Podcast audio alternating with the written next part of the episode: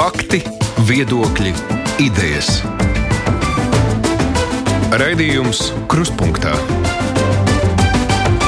ar izpratni par būtisko. Aizsmeļamies šeit studijā. Ja situācija ar covid neuzlabosies, tad mēneša laikā Latvijas veselības aprūpas sistēma varētu piedzīvot sabrukumu. Nu, tik skarba pieļāvumu otrdienas saimnes komisijas sēdē izteica neatlikamās medicīniskās palīdzības dienesta vadītāja Liena Cipuli, atgādinot, nu, cik sarežģītā situācijā daudzas valsts, nu, arī Latvija ir nonākusi. Protams, sabrukumu neviens piedzīvot nevēlas, tāpēc ir gatava, svarīgi gatavoties tiem sliktākajiem attīstības scenārijiem. Mēs redzam, kas notiek Eiropā Kā tas notiek pie mums? Kāda ir tā kapacitāte, kurā brīdī var sākties problēmas? Mēs gribam šodien saprast, kāda ir realitāte, runājot par veselības aprūpas sistēmas gatavību Covid krīzē šeit, Latvijā. Mums visu stundas garumā šajā diskusijā būs pieslēgušies trīs dalībnieki no Veselības ministrijas ārstniecības kvalitātes nodaļas vadītāja Sanita Janka. Labdien jums! Labdien! Jauno ārstu asociācijas valdes loceklis Artūrs Šilovs. Labdien! Labdien! Un Latvijas slimnīcas biedrības priekšsādātājs Evgeņijas Kalējs. Labdien! Labdien! Mēs arī virkni ārstniecības iestāžu šajā stundā sazvanīsim. Nu, kā jau mēs esam dzirdējuši, tajā publiskajā telpā šobrīd ir nepilnīgi 200 covid slimnieki, kas ārstējās ārstniecības iestādēs. Iepriekš ir bijuši dažādi skaitļi, kas ir minēti, kāda ir tā kapacitāte šobrīd. Un tie skaitļi jau, protams, ir laika gaitā mainās. Kāda ir tā pašreizējā realitāte vispār, lai mēs mēģinātu saprast? Sāksim droši vien ar Janks kundzi tādu. Nezinu, kopskatu kopumā? Uh, nu, kā jau izskanējusi visa publiskā informācija, tad uz doto brīdi stacionārās ārstēs 197 pacienti Covid. Uh, šie pacienti ārstēs ne tikai Rīgas austrumu slimnīcā, bet arī citās slimnīcās, reģionālās un arī trešā līmeņa slimnīcās.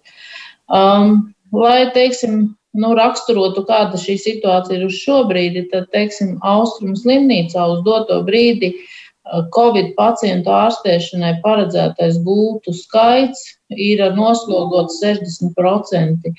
Um, jo šeit ir jāņem vērā arī to, tas, ka uh, katru dienu nāk jauni pacienti klāt, bet ir pacienti, kas izvesaļojas, kas tiek izrakstīti mājās, un, teiksim, nu, notiek šī pacientu nomaiņa.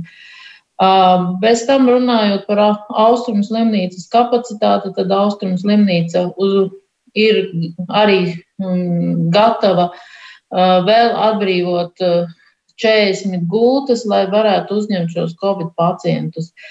Uh, šodien notika uh, valsts operatīvās medicīnas komisijas sēde, kurā mēs uh, apspriedām esošo situāciju, uh, saslimstību un arī, teiksim, to situāciju, kur mēs esam šobrīd. Uh, Un tika pieņemts lēmums, ka eh, reģionālajās slimnīcās un universitātes slimnīcās tiek veidotas tā saucamās tranzīta nodaļas. Tās ir nodaļas, kur pacienti, kas iestājas ar neatliekamo palīdzību, tiek ievietoti līdz rezultātu testa saņemšanai. Un līdz tam brīdim, kamēr šis tests tiek gaidīts, ar šo pacientu tiek strādāts kā ar iespējami inficētu pacientu.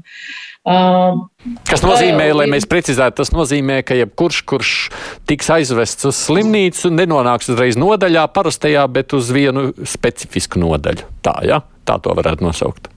Uh, viņi tiks aizvesti uz uh, neatliekamās palīdzības klīniku vai uzņemšanas nodaļu kā kurā slimnīcā. No, jā. Un tad, tad, tur jau arī šie pacienti nu, pirms hospitalizācijas etapā uh, tiek šķiroti. Ja ātrās palīdzības dienestam ir skaidrs, ka pacientam jau ir pozitīvs covid tests, uh, tad viņš uzreiz tiek ievietots apējot visas pacientu plūsmas izolatorā, lai viņš nesaskartos ar citiem pacientiem. Uh, pārējie pacienti tiek uh, ievietot uzņemšanas nodaļās, izmeklēti, uh, un viņiem tiek veikti šie covid testi, bet līdz šī uh, testa atbildes saņemšanai, uh, neatkarīgi no tā, kāda pacientam ir uh, pamats saslimšana, kuras dēļ viņš ir nogādāts stacionārā, viņš tiek ievietots tā saucamajā tranzīta nodaļā, mhm, kur viņš mhm. gaida šo testa rezultātu. Ja tas ir pozitīvs, tad viņš tiek ievietots Covid nodaļā. Jā. Ārstēs pacienti ir apstiprināti Covid. Ja testa rezultāts ir negatīvs, tad šis pacients tiek pārvietots uz um, parastā profila nodaļu. Um, ir daudzas reģionālās slimnīcas, kā Liepāja, Daugopils, kas jau ir uzsākuši šādu tranzītu nodaļu veidošanu. Mēs esam par, ar slimnīcām runājuši par to, un arī pārējās reģionālās slimnīcas veido šīs tranzītu nodaļas. Otrs, par ko mēs lēmām, kad um, visām slimnīcām pagaidām pēc pašas slimnīcas ieskatiem ir jāveido 15% brīvo gultu rezerve, lai varētu nodrošināt stacionēšanu tiem pacientiem, kas griežas vai nu paši neatliekam, vai kurus atved neatliekamās palīdzības brigāde. Tas nozīmē, ka ārstniecības iestāde pati var organizēt savu laiku, bet viņai ir jāspēj uzņemt visi pacienti, kas tiek atvesti ar neatliekamās palīdzības brigādi. Un, šī, te, teiksim, šī brīvo gultu rezerve mums dod arī tādu kā um, nu, tādu handikapu vai buferu zonu, kad mēs varam um, monitorēt savas gultas. Un ot, trešā tāda pozitīvā lieta, ko mēs esam panākuši ar ambulatoro pakalpojumu sniedzējiem, ka tiem pacientiem, kuri ārstējas mājās un kuriem ir apstiprināta šī Covid-19 infekcija, kad viņiem tiks nodrošināti arī ambulatorie pakalpojumi, un viņiem tiks nozīmēts konkrēts laiks, konkrēta vieta, kur šo saņemt. Un šī pakalpojumu sniegšana tiks organizēta tā, lai šie pacienti nesaskārtos ar pārējo pacientu mm, plūsmu. Okay. Darīsim nu, droši vien tā. Šajās lietās gan jau vēl mēs tās precizitātes uh, būs. Es gribu pieturēties pie tā viena ļoti skaista, skaidrā, ja nu, konkrētā temata par uh, slimnīcu. Nu, vārds kapacitāte droši vien izsaka to domu, bet to spēju jebkurā brīdī tagad un nākotnē sniegt nepieciešamo palīdzību iemesls, kāpēc mēs tam tematam pievēršamies, rūkojoties, kas notiek ne tikai kaimiņu valstī, kādā Krievijā, Ukrainā, bet arī skatoties Franciju, Beļģiju un visur citur. Ārstu, slimnīcas gultu, aprīkojumu vispārējā gatavība, ja spēja uzņemt, ja to slimnieku skaits paliek lielāks. Ja drīkst, lai, lai citi pa priekšu tiek pie, pie vārda, priekš. Kalē, kungs, kā jūs raksturotu to mūsu gatavību šobrīd slimnīcās? Jā, paldies par jautājumu. Nu, katrā ziņā to, ko jau tagad minēja e, ministrijas pārstāvja, tas ir taisnība. Ja par tām tranzīta e, nodaļām vai, vai, vai viena daļa saka, ka tās ir karantīnas nodaļas, tas ir pilnīgi vienalga, bet tās briesmas ir tur, ka liela daļa medicīnas personāls tiek izslēgts no aprits, tiek karantīnā tieši tāpēc, ka pacienti, kuri ir pozitīvi, viņi inficē apkārtējos. Un šīs nodaļas ir domātas, lai nu maksimāli pasargātu. Kas attiecās uz to kapacitāti, jā, tā kapacitāte ir, ir sadalāma divās lielās daļās. Tas pirmais ir tā telpu aprīkojuma kapacitāte, tehnoloģiju kapacitāte. Tā, paldies Dievam, mums ir. Faktiski jau gandrīz daudzos visos reģionos tiek atvērtas, meklētas iespējas, ko papildus, kurā vietā salikt gultas. Nu, teiksim, ir bērnu dārzu, izbijušas telpas, kuras pārveidoja, ja tas ir Ziemeļkurzemē ir vidzemē tas pats, kur organizē telpas, aprīkojumu gultas. Bet tā lielākā problēma tām slimnīcām mums jau būs kapacitāte telpu ziņā, bet mums nav kapacitātes personāla ziņā. Jo, ja mēs, piemēram, organizējam 40 papildus gultas, kā jau ministrija minēja, ja, tad mums tur uzreiz vajag trīs ārstus, ja, mums vajag astoņas medmāsas, mums vajag vienu anesteziologu, vismaz vienu anesteziologu, varbūt pat divus. Ja, un apkalpojušo personālu, tehnisko māsas un tā tālāk. Un te ir tas vājais punkts. Un sevišķi tagad, kad, piemēram, nu, teiksim, tas pēdējais gadījums Salkrastos. Salkrastos arī ir mediķi, ja, bet iestājoties tādam uh, lielam pacientu skaitam, kur viens ir inficējis visu personālu, faktiski uh, viss personāls iziet no ierindas. Tagad ir jāmeklē iespējas, kā dabūt piesaistīt personālu. Diemžēl šis ir tas vājais punkts. Un faktiski nu, pie mums viņš tiek ļoti lēni. Uz doto brīdi mēs teiksim, viņš vispār netiek risināts. Ja mēs salīdzinām ar pirmo vilni, kas bija sākumā, tur martā, aprīlī, jā, pēc tam maijā, jūnijā, tad personālam bija mazliet piemaksas. Jā, bet uz doto brīdi nu, kā, uh, valdība ir piekritusi, kad vajag to kaut kādā veidā stimulēt. Bet, bet mēs redzam to, ka, piemēram, mēs sakam, ka jau, ministrs kundze jau teica, ka mums vajag sasniegt apjomu 8, 9 tūkstošus izmeklējumu dienā. Bet tā problēma jau ir tā, ka mums nav personāla, kas ar to nodarbojas. Nu, labi, valdība jau tad vēl kaut kādu naudu šobrīd ir solījusi, ka tās piemaksas būs, bet tā problēma jau ar, vai ar piemaksām šis ir atrisināms. Tu jau vari maksāt, ko gribi, tāpēc jau apkopējs nekļūst par ārstu. Ne, ne tāpēc, jā, vēl ir otrs, bet, bet vismaz kaut kādā veidā mums jau ir tās māsas kaut kur blakus slimnīcām, dažādās citās vietās, vai arī tad, tur, kur viņas strādā. Bet ir, ir jābūt kaut kādai motivācijai, jo personāls vienkārši atsakās iet strādāt. E, gan uz tām laboratorijām, kur testē, gan uz tām nodaļām, jo vienkārši nu, viņiem nav motivācijas. Un, ja viņi strādā pamatdarbā, tad šis ir tomēr papildus darbs. Un, ja tās ir virsstundas, tad viņas būtu jāatmaksā dubultīgi. Diemžēl nu, uz doto brīdi šis mehānisms mm, nav no, atrisināts. Un, ja mēs ņemam iepriekšējo pieredzi, tad mēs par tām piemaksām cīnījāmies trīs mēnešus, kamēr viņas dabūjām. Nu, ja mēs zinām, eh, kāda ir pieredze tepat kaimiņu valstīs, teiksim, dokuments no Eiropas slimnīcu biedrības, tad, piemēram, Igauniem ja, ir uh, dubultīgas uh, algas tieši tiem, kas strādā šajās jomās. Kā, nu, tas ir tas vājais punkts. Nu, tajā pašā laikā, jā, tajā pašā laikā vērojot, kas notiek Spānijā, Itālijā un arī citās vietās, tur ar visām piemaksām vai nepiemaksām, tas ir bijis mūžīgais jautājums. Tieši šis personāla trūkums jau arī redzams ir Beļģijā, mēs to pašu redzam arī citās valstīs.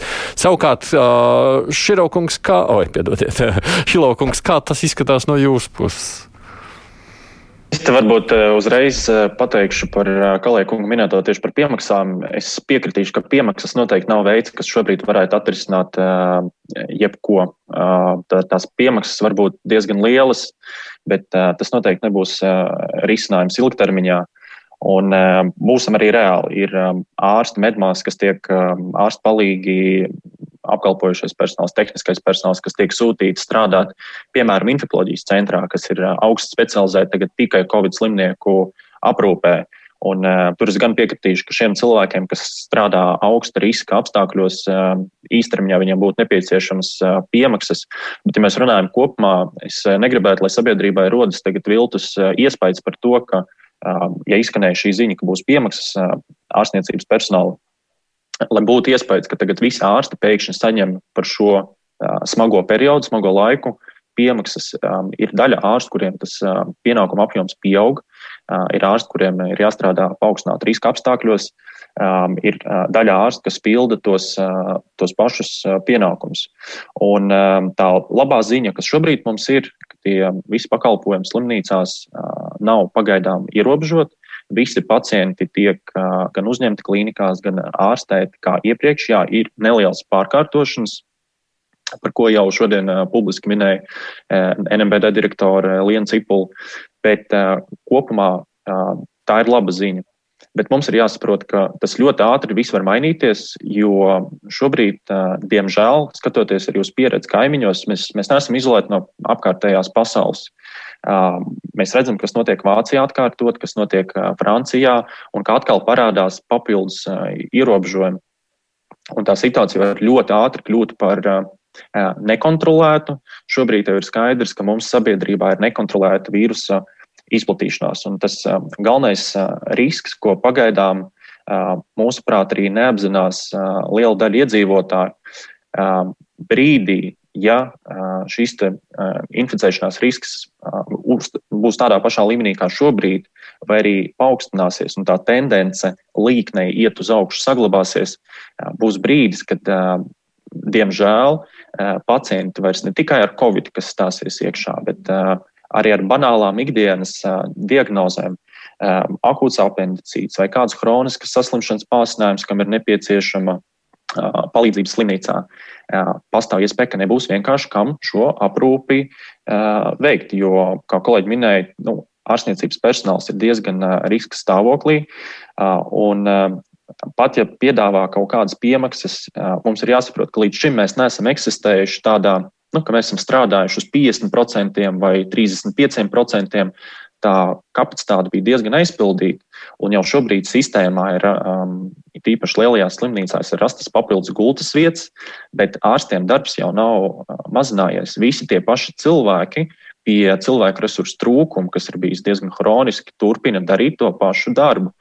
Un, um, Es domāju, ka tas lielākais risks, kas ir jāapzinās iedzīvotājiem, mēs diemžēl varam nopirkt elpināšanas aparātu, mēs varam nopirkt gultu, mēs varam paņemt kādu telpu atbrīvot. Bet tas cilvēks, kuram ir ārsta gadījumā jāmācās seši gadi, plus vēl vairāki gadi, vai māsas gadījumā Mēs nevaram viņus paņemt vienkārši no kurienes vai pasūtīt kaut kur no ārzemēm. Ar šo cīnās visa pasaule. Sakot, tagad, kad mēs sakām, nu, tad lūk, mēs tur tos gultlietas palielināsim, mēs tur to uh, rezervu turēsim, kas viss ir svarīgi un labi, un droši vien nesakām neko, ka tas būtu nevajadzīgs, bet problēma nebūs iekšā gultas vietām vai tehniskā personāla. Problēma būs iekšā tā, ka nebūs kas, atsakot, ieguldīt jau mēs viņu varam, bet tur nebūs kam pienākt klāt un kas varētu ārstēt. Tā. Visdrīzāk jau būs. Vienkārši kaut kādā brīdī nāksies ierobežot plānveidu pakalpojumus vai arī citus pakalpojumus. Te, te notiks tā, tā ir tā būtiskākā plānošanas daļa. Tas, kas slimnīcām, un es ļoti daudz tiek runāts par austrumu slimnīcu un infektuoloģijas centru kā galveno, kas pieņem pacientus, bet diemžēl šī problēma skars visus, arī reģionālās slimnīcas, arī Stradiņas slimnīca, arī iespējams bērnu slimnīcu. Visiem ir jāsaprot tas plāns, kādā kārtībā tiks atcelt kādi pakalpojumi, jo um, skaidrs, ka, piemēram, infektuoloģijas centrs aizpildīsies un publiski ir paziņots, ka pacienti tiks vesti uz um, tuberkulozes slimnīcu, kur notiek arī, piemēram, uh, torkālās uh, krūškuru operācijas. Uh, tajā brīdī, kad uh, šādi notiek, tas nozīmē, ka šīm operācijām ir jāpārceļās kaut kur citur, kas uh, būs visdrīzāk gaidezers, un tā pacientu aprūpe ir daudzkārt tiks uh, ierobežota plānveida pacientu. Tāpēc um, visdrīzāk mēs varēsim atrast tos, kuri uh, ārstēs tos covid pacientus. Un pagaidām, pagaidām iedzīvotāji vēl neizjūt uh, šo ierobežojumu, jo viņi nav. Bet, uh, ja tendence ar vīrusu izplatīšanos saglabāsies, tad, diemžēl, mm, šīs sajūtas sabiedrībā diezgan var mainīt. Mainīties. Mēģināsim tagad dažas konkrētās slimnīcas apzināt, kāda ir tā situācija un viņu iespējas.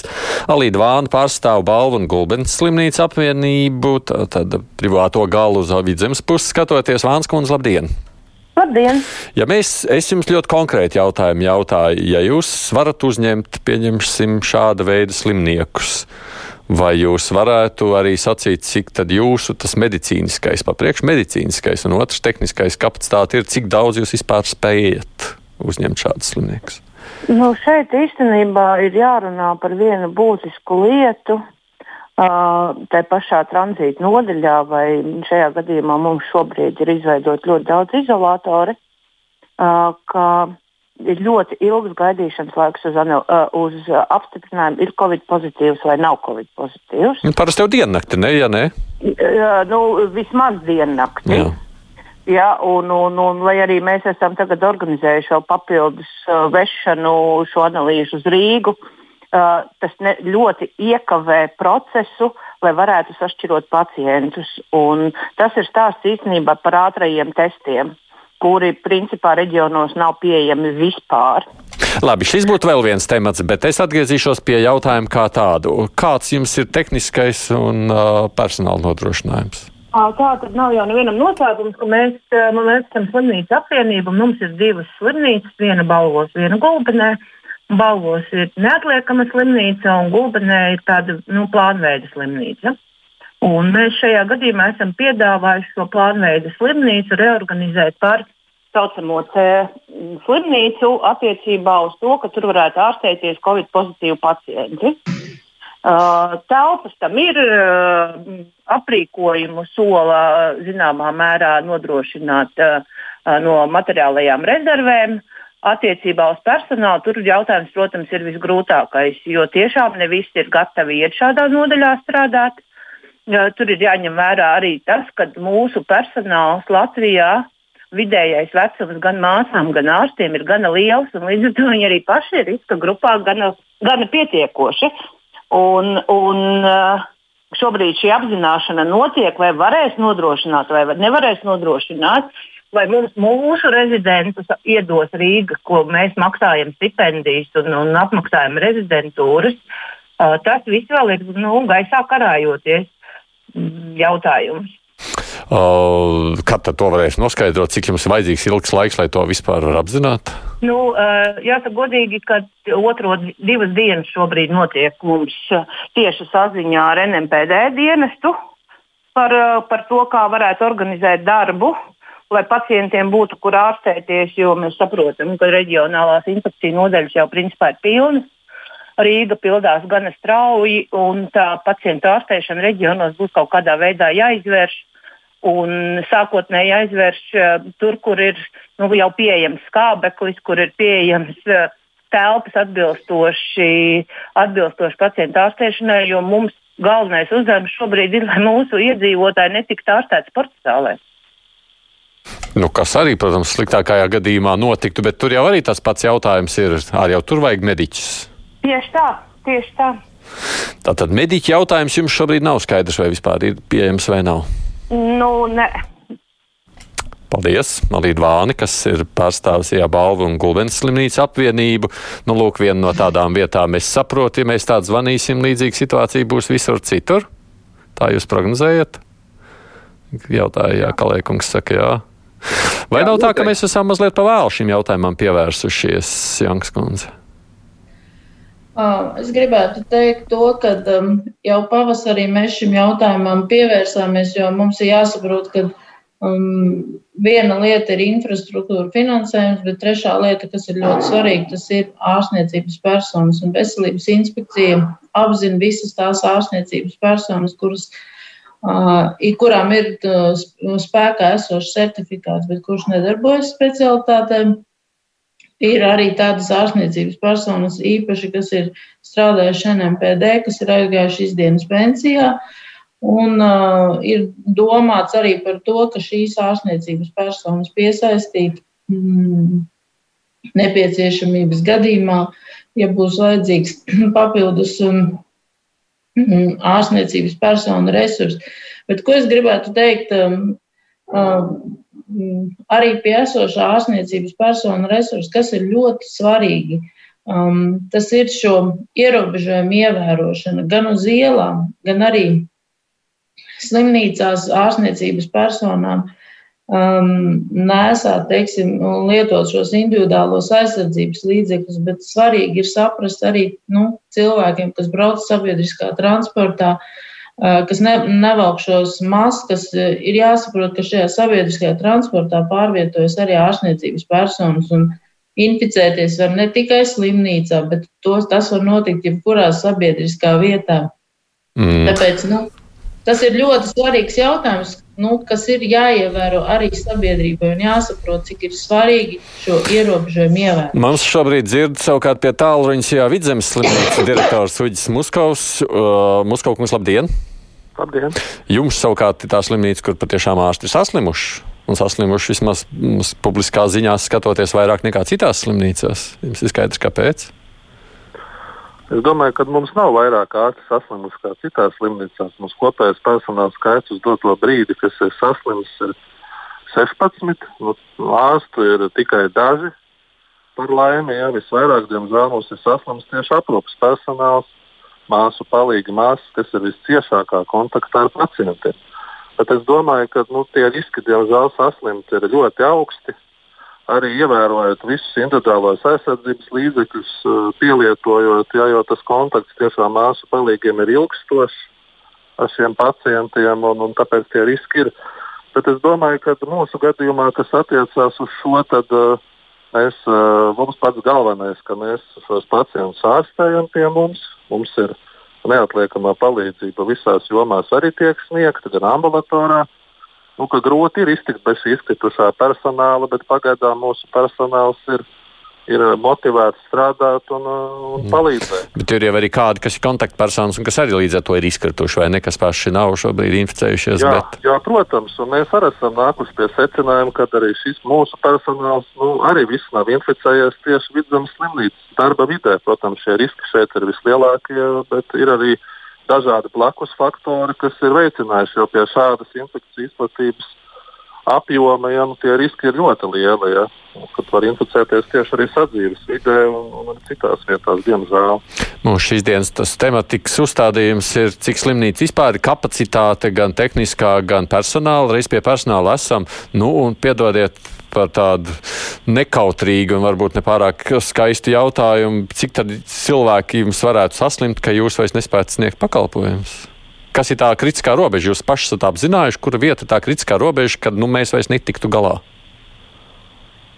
Nē, nu, redzat, mēs varam skatīties uz to jautājumu no infrastruktūras viedokļa, kas ir svarīgi, un arī no personāla viedokļa. Ja mēs skatāmies no infrastruktūras viedokļa, tad uz doto brīdi mums ārstējās 21 covid pacients nodaļā tad tajā nodaļā mums ir 25 vietas, un, ja būs vajadzīgs, mēs mobilizēsim nu, vēl vienu terapijas nodaļu, ja būs tāda nepieciešamība, un tajā ir vēl 25 vietas.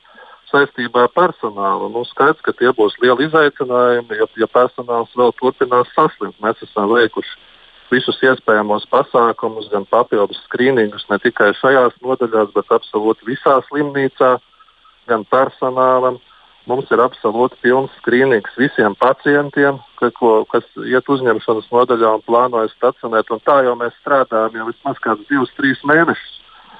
No nu, šie riski, kā jau minēju, ir pietiekami augsti. Uz doto brīdi nav tāda indikācija, ja, ka mums būtu ļoti katastrofāli pietrūkt personāla. Skaidrs, ka šeit ir arī ļoti svarīgi arī atbilstošais profils. Ja, jo, teiksim, traumatologam vai ķirurgam būtu ļoti liels izaicinājums ārstēt tieši covid pacientus. Ja. Viņi ir uh, strādā savā profilā, jo jāsaka arī, ka mums neatniekamā palīdzība jau ir jāturpina sniegt. Nekas jau nav mainījies. Cilvēki gūst traumas, cilvēkiem ir dažādi citas skaitas. Ja. Kā mēs to visu nodrošinām uz doto brīdi darām. Bet cik daudz tiek plānots lūk, no tādas vienmēr no vietējās slimnīcas skatu punktu, domājot par kādu stundu X, kas neizskan labi, bet sakot, nu lūk, nu ir ne tikai 25 šeit, vēl 25 tur, bet ir vēl vairāk. Ko mēs darām brīdī, kad mums nav vairs vai nu vietu, vai ārstu, vai medicīniskais atbalsta personāls. Jūs strādājat pie šāda scenāriju? Nu, mēs kopīgi strādājam ar NMP dienestu, Veselības ministriju un katastrofu medicīnas centru. Ir vairāki scenāriji ja, izstrādāti. Nu, mūsu uzdevums pagaidām mēs tiekam galā ar to, kas ir. Nu, skaidrs, ka mēs nevaram izdomāt četrus un piecus soļus tālāk. To darīsim tad, kad tas uh, tuvosies. Jau uz doto brīdi mums nav tāda indikācija vismaz pie mums. Uh, kad šeit ir jau arī tāda pozitīva tendence, ka šie slimnieki arī izvesaļojās. Tiksim, mēs arī vakar un šodien plānojam divus izrakstīt pacientus. Ja. Arī mūsu personāls atgriežas darbā, kas bija, kas bija saslimis un ir atvesaļojis. Nav jau tā, ka tas teiksim, tā, tikai vienā virzienā notiek arī tāds mazliet nu, pozitīvas lietas, ka tas ir, ir saslimstība. Ir, bet arī izrakstīšanās notiek no slimnīcas, un arī personāls atvesaļojas. Tas gan. Paldies, Uģis Muskaus, kas ir Sijā Vidzemes slimnīca direktors. Es tikai atgādinu šeit mums savukārt jā, caur Zoom platformu pieslēgšies no Veselības ministrijas Sanita Jānka, jauno ārstu asociācijas Artūrs Šilovs un Latvijas slimnīcas biedrības Jevgeņijas Kalējs. Raidījums Krustpunktā. Šilaukungs, kā jūs domājat, cik tālu vajadzētu plānot šajā brīdī, vai cik tālu mums vajag rēķināties nu, uz priekšu, un cik sakāt, nu, nāk situācija, domāsim? Nu, te atkal tāda pozitīva ziņa ir šonadēļ veselības ministrijā izveidot šo stratēģiju pa līmeņiem, ko es godīgi teikšu, daudzi kolēģi apkārt, ar kuriem mēs esam apsprieduši, mēs gaidījām šāda tipa uh, dokumentu jau pavasarī. Labākais piemērs pasaulē ir bijusi Jaunzēlanda, kas diezgan ātri teiksim, gan uzrakstīja, gan apstiprināja, gan publiskoja visiem skaidri definēts kritērijus ar ierobežojumiem, ko mēs darām, kurā brīdī, ja cipari ir tādi vai citādāki. Un šobrīd mēs atrodamies tajā trešajā līmenī, patiesi soli līdz teiksim, kad aizvērst gandrīz visu, izņemot veikalus, aptiekas un tādas pirmās nepieciešamības iestādes. Um, es teiktu, ka ir jāplāno uh, līdz diezgan uh, drastiskiem scenārijiem, kad nāksies ierobežot uh, visu plānveidā, visus pilnībā plānveida pakalpojumus un būs jāpāriet tikai uz akūto palīdzību, jo, diemžēl, ja šīs te, šī te sabiedrības uh, attieksme nemainās. Arī mēs slimnīcās izjūtam diezgan lielu spiedienu, kas pamatā jau iziet publiskajā vidē, sociālajos tīklos, diskusijas par to, ka maskas nav jāvalk, ka viss tas ir izdomājums un ka kāds šo ļoti gudri ar naudu kontrolē. Mēs arī Latvijas Jauno ārstu asociācijas stingri norobežojas no atsevišķu ārstu viedokļu par to, ka maskas nekādīgi nepalīdz. Maskas ir veids, kā mēs varam ierobežot infekcijas izplatību, mazgāt rokas un ieturēt šo distanci. Neviens no šiem līdzekļiem atsevišķi nav tā metode, ar kuru mēs varam um, atrisināt visu. Tāpat kā šobrīd nav kaut kāda viena medikamenta, vienas zāles, kas var palīdzēt, un pacienti pēkšņi no guļoša stāvokļa vai um, tad, kad viņi ir ventilējami, uh, pēkšņi pēc pāris dienām ir veseli un iziet ārā no tās slimības. Tādiem žēl uh, nav, un tikai tas pasākumu kopums viss var palīdzēt ierobežot. Un tam plānam, es domāju, jābūt līdz pat pilnu visu plānveidu pakalpojumu apstādināšanu. Kristīna prasa par medicīnisko personālu, cik daudz tie studenti, kas mācās šobrīd, var nākt jums palīgā un, un, un iesaistīties brīdī, ja pienāk tik, kat, nu, tik kritisks brīdis, kad no, nu, ar esošo medicīnas personālu vairs nepietiek. Jā, šodien tika izziņots, ka vismaz Austrum slimnīca ir apzinājusi gan studentus, gan certificētos ārstus, kas nestrādā varbūt dotajā brīdī, kas varētu palīdzēt. Skaidrs, ka tas mm, students varbūt nebūs ļoti zinošs, lai tagad iet un ārstētu pacientu, ar ko nodarbojās certificētie ārsti vai ārsti rezidenti, bet ir ļoti daudz darbu. Tiek ziņots par to, ka ir nepieciešams palīdzīgas rokas pie šajos te testu punktos, kur tiek veikti covid testi vai materiāla savākšana. Jo tā ir tā būtiskākā problēma. Mašīna pati veic automatizētu testu, bet kādam ir jāsavāc tas materiāls, kādam ir jāizpilda dokumenti. Un es domāju, tāpat kā pavasarī, kad tika iesaistīti brīvprātīgi, arī šobrīd būtu iespēja students piesaistīt. Un arī slimnīcām būtu jāsaprot, ja ir kāds darbs, ko šis students var darīt, tad varbūt tā, ka viņus var piesaistīt. Jāņem, protams, vērā tas, ka šajā gadījumā Tāpat kā daudzi ārsti, daudz, daudzas māsas, ārsta palīgi, mēs saprotam, ka mēs strādājam slimnīcā. Mums ir paaugstināts risks iznest šo infekciju arī no slimnīcas, atnest uz mājām. Šādi gadījumi, diemžēl, mēs dzirdam apkārt ar vien vairāk un vairāk parādās. Arī šiem studentiem būtu jāapzinās, ka tās nav balīdzes, uz kurām var iet, tie nav publiskie pasākumi Un, diemžēl visdrīzāk būs jā, jāierobežo arī dažādu radinieku apciemošana, ko mēs, piemēram, manā ģimenē, mēs jau esam apsprieduši, un tas tā notiek, diemžēl, jo apstākļi to pieprasa. Mm. Vāns kundze jau te minēja, ka arī viņiem, nu, viņi cer, ka tad no Rīgas kādu sūtītu tur rezidents viņiem uz balviem vai uz gulbeni. Cik tas ir reāli, Janks kundze, vai es nezinu, kurš var šo atbildēt? Nu, šī gadījumā jautājums ir par tām saucamām Covid slimnīcām. Protams, tas ir jau sākts diskutēt jautājums, bet, lai mēs šādas Covid slimnīcas izveidotu, tad būtībā ir jābūt trīs priekšnosacījumiem. Ir jābūt atbilstošai infrastruktūrai slimnīcā, kas Gulbenes slimnīcā ir, ir jābūt medicīnas personālam, ir jābūt pietiekošām diagnostikas iespējām, jo uh, šis vīrus ir nu, līdz galam neizpētīts, ir daudz neatbildētu jautājumu. Un uh, pie šī vīrusa izraisītām pneimonijām nu, vairāk ir nepieciešama tieši šī datortomogrāfija, nevis rengena izmeklējums un arī laboratoriskie izmeklējumi. Bet katrā gadījumā arī šis rezidentu jautājums, ka nu, tie rezidenti, par kuriem maksā reģionālās slimnīcas vai citas slimnīcas, uh, varētu arī tikt izskatīts, ka nu, nepieciešamības gadījumā viņi varētu nu, tikt nosūtīti uz reģioniem palīdzēt. Tas tā kā centralizēti notiktu, tas, kas to lēmumu tad ņemtu?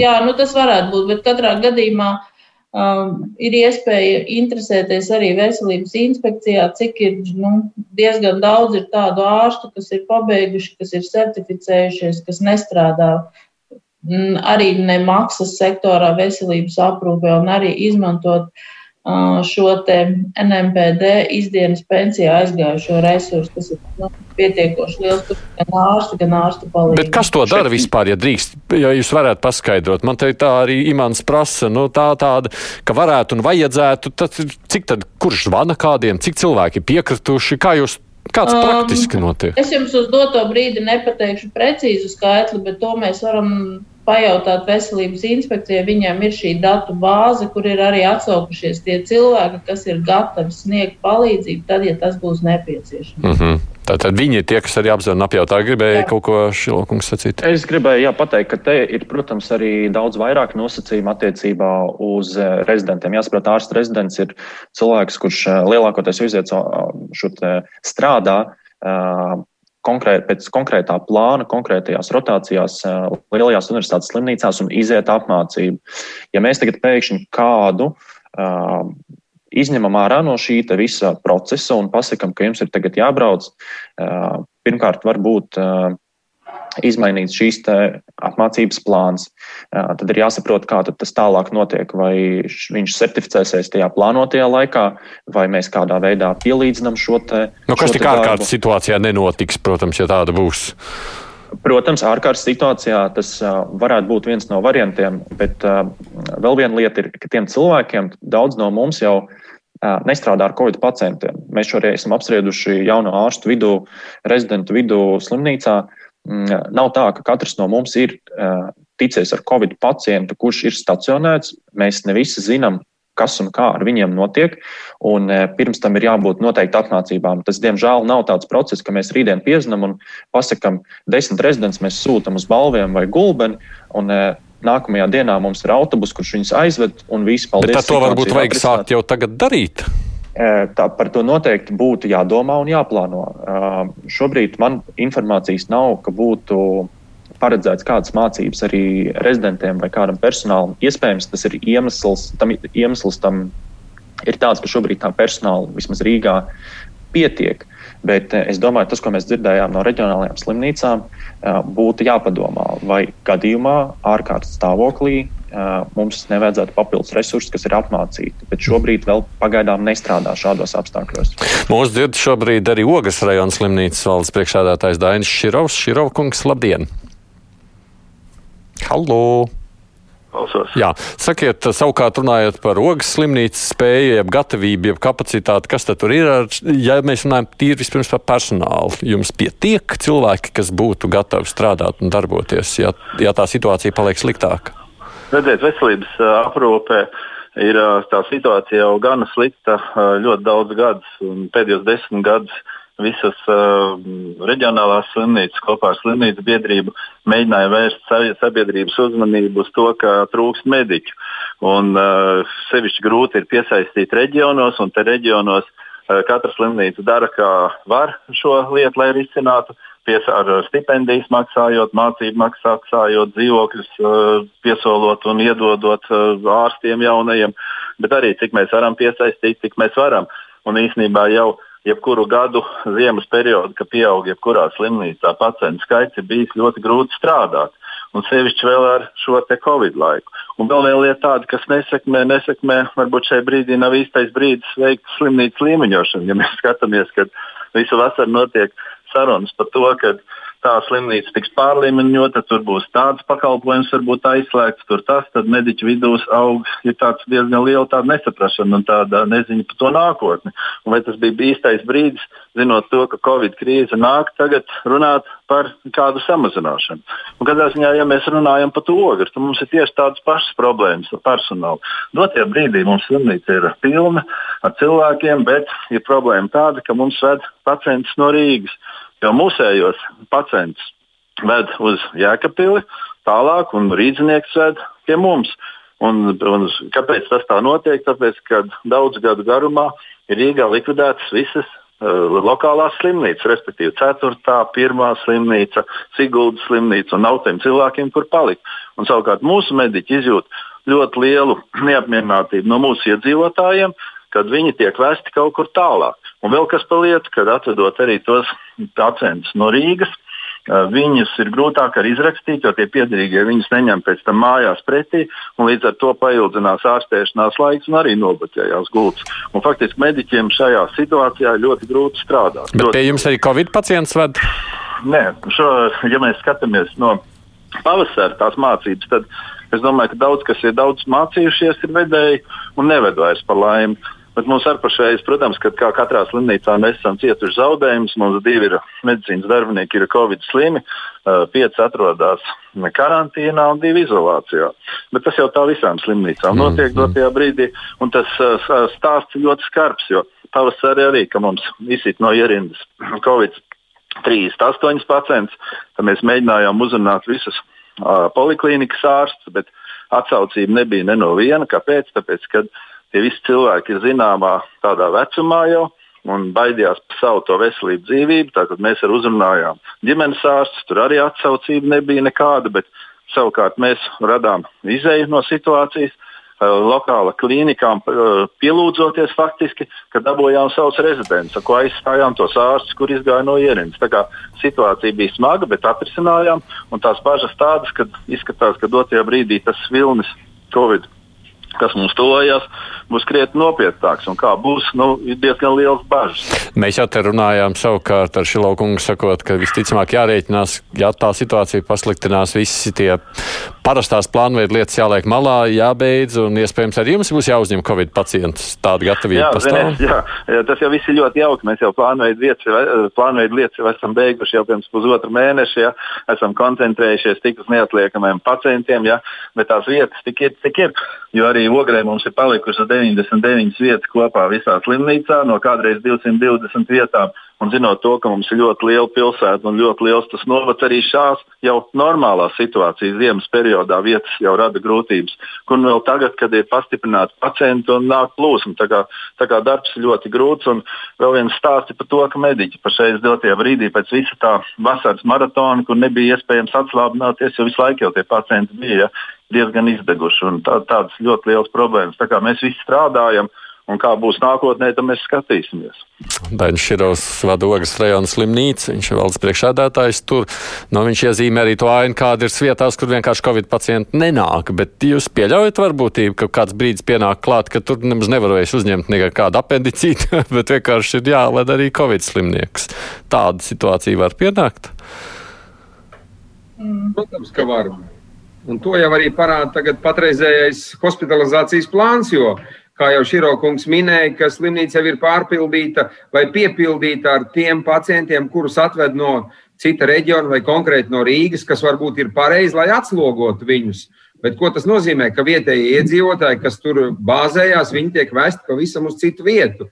Un šeit ir tas, ko um, Jaunu ārstu asociācija minēja, jā, kolēģis, ka teiksim, uz tādu slimnīcu, ja mobilizētu rezidentus, kuri, piemēram, ir uh, diezgan labi apmācīti citu slimību ārstēšanā, nevis Covid, ja, tad tur būtu tieši viņiem, eh, saka, ļoti labs darba lauks. Viņiem nebūtu jāsaskarās ar Covid pacientiem, bet tā kā atslogojot eh, eh, pārējo slimnīcu no, no, no darba spēka trūkuma, viņi varētu diezgan labi sniegt šo palīdzību. Bet šis jautājums ir nu, iestrēgts tajā lietā, kas notiks ar tiem rezidentiem, ja viņi kaut kādus mēnešus vai vai, vai, vai gadu vai pusgadu pavadījis citā slimnīcā, ārstējot šos pacientus, bet neizejot savu rezidentūras programmu. Nu, šeit ir tas jautājums, kas visu laiku jāmēģina uh, risināt. Un vēl jau mēs jau zinām, ka faktiski, ja mēs runājam par ārstiem, tad mēs zinām, ka faktiski ārstu biedrībā ir pārpa 7000, 7500 ārstu, bet reāli strādājošie jau tikai ir 6000. Tā kā faktiski jau to ārstu riņķī jau ir. Tikai nu, mums vajag kaut kādu mehānismu, lai viņus pievilinātu. Ja vajag to burkānu, un tas burkāns faktiski, kāpēc, kā Širokungs teica, kāpēc tie ārsti nenāk strādāt, nu, tāpēc, ka nav tās motivācijas. Ja? Plus viņiem visiem ir pastiprināts risks, ja, ko jau kolēģis minēja, dabūt šo infekciju sev, iespējams, un pēc tam iespējams viņu aiznest uz, uz mājām. Tā kā nu, tam burkānam ir jābūt lielākam nekā tam riskam. Uz doto brīdi šis te, e, mehānisms diezgan vāji funkcionē. Paldies! Jā, sakiet. Tas, ko piebildīšu par uh, rezidentiem, nu, uh, nav jau arī tā situācija, ka te mums ir daļa rezidentu, kas, teiksim, tā sēž uh, rezervē un gaida, kamēr viņas kaut kur izsauks. Lielajās universitātes slimnīcās, būsim godīgi un patiesi, ļoti daudz kas turās uz rezidentiem, ir īpaši uzņemšanas nodaļas, un te sāksies tā lielā cīņa, kuram tad tiks vairāk darba spēks. Un, um, otra lieta ir tāda, ka pat aizsūtot uz reģionu vai piedāvājot strādāt reģionā. Es domāju, ka būtu kolēģi, tik tiešām būtu kolēģi, kas arī brīvprātīgi to bez nekādas piespiešanas. Te nevajag runāt par kaut kādu piespiešanu. Viņi piekristu, braukt un strādāt, iegūt uh, papildus pieredzi, bet uh, viņi nav certificējušies. Ir jābūt kādam atbildīgajam, jeb apmācīt tiesīgiem ārstam, kurš tad arī uzņemās to atbildību. Nedrīkst būt tā, ka ārsta rezidenti tiek palaisti pilnībā uh, patvaļīgā darbā, un tad mēs, eh, diemžēl, varam nonākt līdz tam, ka eh, to atbildību neuzņemās neviens. Nu, man klausoties jūsos, es saprotu, nu šī tā lieta, kas ir tagad, nu, laikam jāliek galvas prātus kopā, un tūdaļ ir jāizstrādā ļoti kārtīga sistēma, kā to lietu kārtot, ja situācija paliek sliktāk. Pareizi es saprotu. Nu, jūs pareizi sapratāt, bet kā jau te minēja kolēģi, tā jau ir problēma ar bārdu. Jau. Mums ir ļoti daudz atzinumu, kuros mēs esam jau par to runājuši. Mums ir e, 2017. gada Pasaules bankas pētījums, kur ir pateikts, ka ārstu skaits ir, ir, un personāla skaits ir kritiski zems. Mums ir uh, Eiropas komisijas un OECD pētījums, kas beidzās pagājušajā gadā. Tur arī tas pats nu, ir jautājums, kā... naudas trūkums. Jūs jau labi zināt, nu, mums ir stāsts par naudu tik, cik tās ir. Un visā tajā um, arī jau pat veselības ministrija varētu gribēt izstiepties vai sarauties, bet uh, var izdarīt tikai ar tiem līdzekļiem, kas tai ir piešķirti. Un... Viņi jau mēģina to darīt, ja, bet, nu, diemžēl, nu, tā kā jau ir, ja, un plus tā, tā plūsma iepriekšējās pēd, laika periodos prom no Latvijas arī bija diezgan izteikta. Tieši šī iemesla dēļ. Janks kundze, jūs redzat tādus, nu, nezinu, kā lai to sauc, latviski man tādu vajag sarakstu, nē, bet tādu skaidru rīcības plānu, ko tālāk darīt? Um, um, nu, ko es gribētu teikt, kas mums ir noteikti jāsāk, tas ir nu, ar visu ierobežojumu ievērošanu. Um, Es to es sapratu. Teikt, mēs jau esam šeit runājuši, bet par to tālāko jā, bet plānu. Tas attiecas par uh, rezidentu nosūtīšanu. Nevajag jau visu uzreiz saprast, ka tikus, viņiem būs jārastē tikai Covid pacienti, jo nav jau, mums jau ir jānodrošina veselības aprūpe visiem, ne tikai Covid pacientiem. Un, no jā, tam nu, ir jābūt tādām visaptverošām plānām. Covid vilnis jau neko, nenozīmē to, ka mums um, nu, ir jāpārtrauc pārējo pacientu ārstēšanu. Tāpēc uh, nu, šodien šīs uh, operatīvās medicīniskās komisijas lēmums bija uh, slimnīcai savā iekšienē veidot šo gultu rezervi. Jā, mēs saprotam, ka tas zināmā mērā prasa ierobežot plānveida pakalpojumus, bet tas nozīmē ierobežot, nevis pārtraukt. Sam, nu, uh, un mēs ļoti negribētu pārtraukt ambulatoros veselības aprūpi. Labi, jā, bet tās, bet tās manas bažas pēc šīs stundas sarunas ar jums, jo mums jau tulītās būs jābeidz ir tādas, ka paies dažas nedēļas, un ja situācija paliks sliktāk, un es esmu mazliet pesimists šajā jomā tiešām, ka mēs vienā brīdī secināsim, ka tad grābsim, meklēsim kaut ko tā haotisku, vai ja mēs jau to nu, tā nedarām.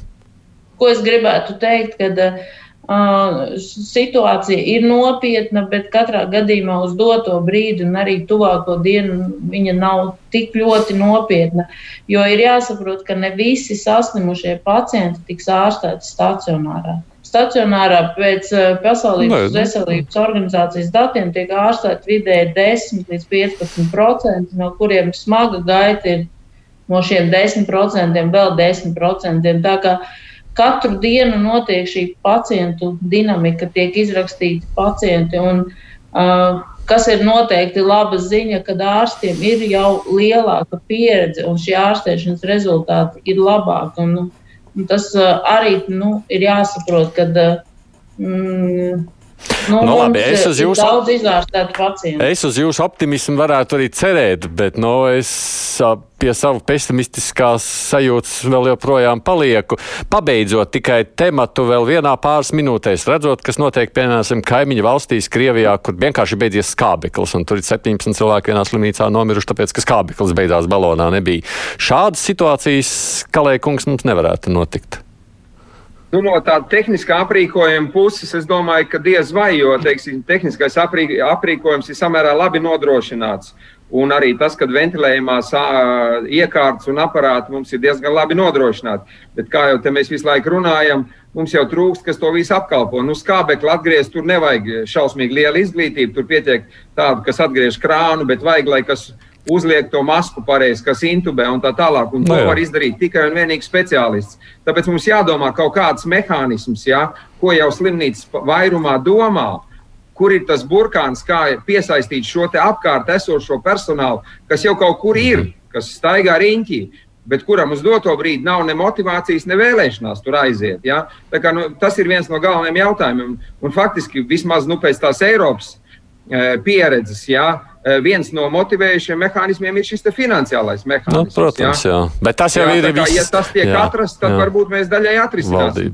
Uz doto brīdi mēs uz doto brīdi mēs izējām tikai un vienīgi uz iekšējām rezervēm. Tas, kas mums ir, mēs viņus mēģinām labāk audzēt, lai viņi nesaslimst, varbūt labāk viņus tur ekipēt un tā tālāk, ja, un aizsargāt, lai tas medicīnas personāls nesaslimst. Mm. Tās ir tās galvenās lietas, ko mēs šodien darām. Bet, ja tā situācija eskalēsies, mums faktiski tas B plāns ir ļoti, ļoti vājš.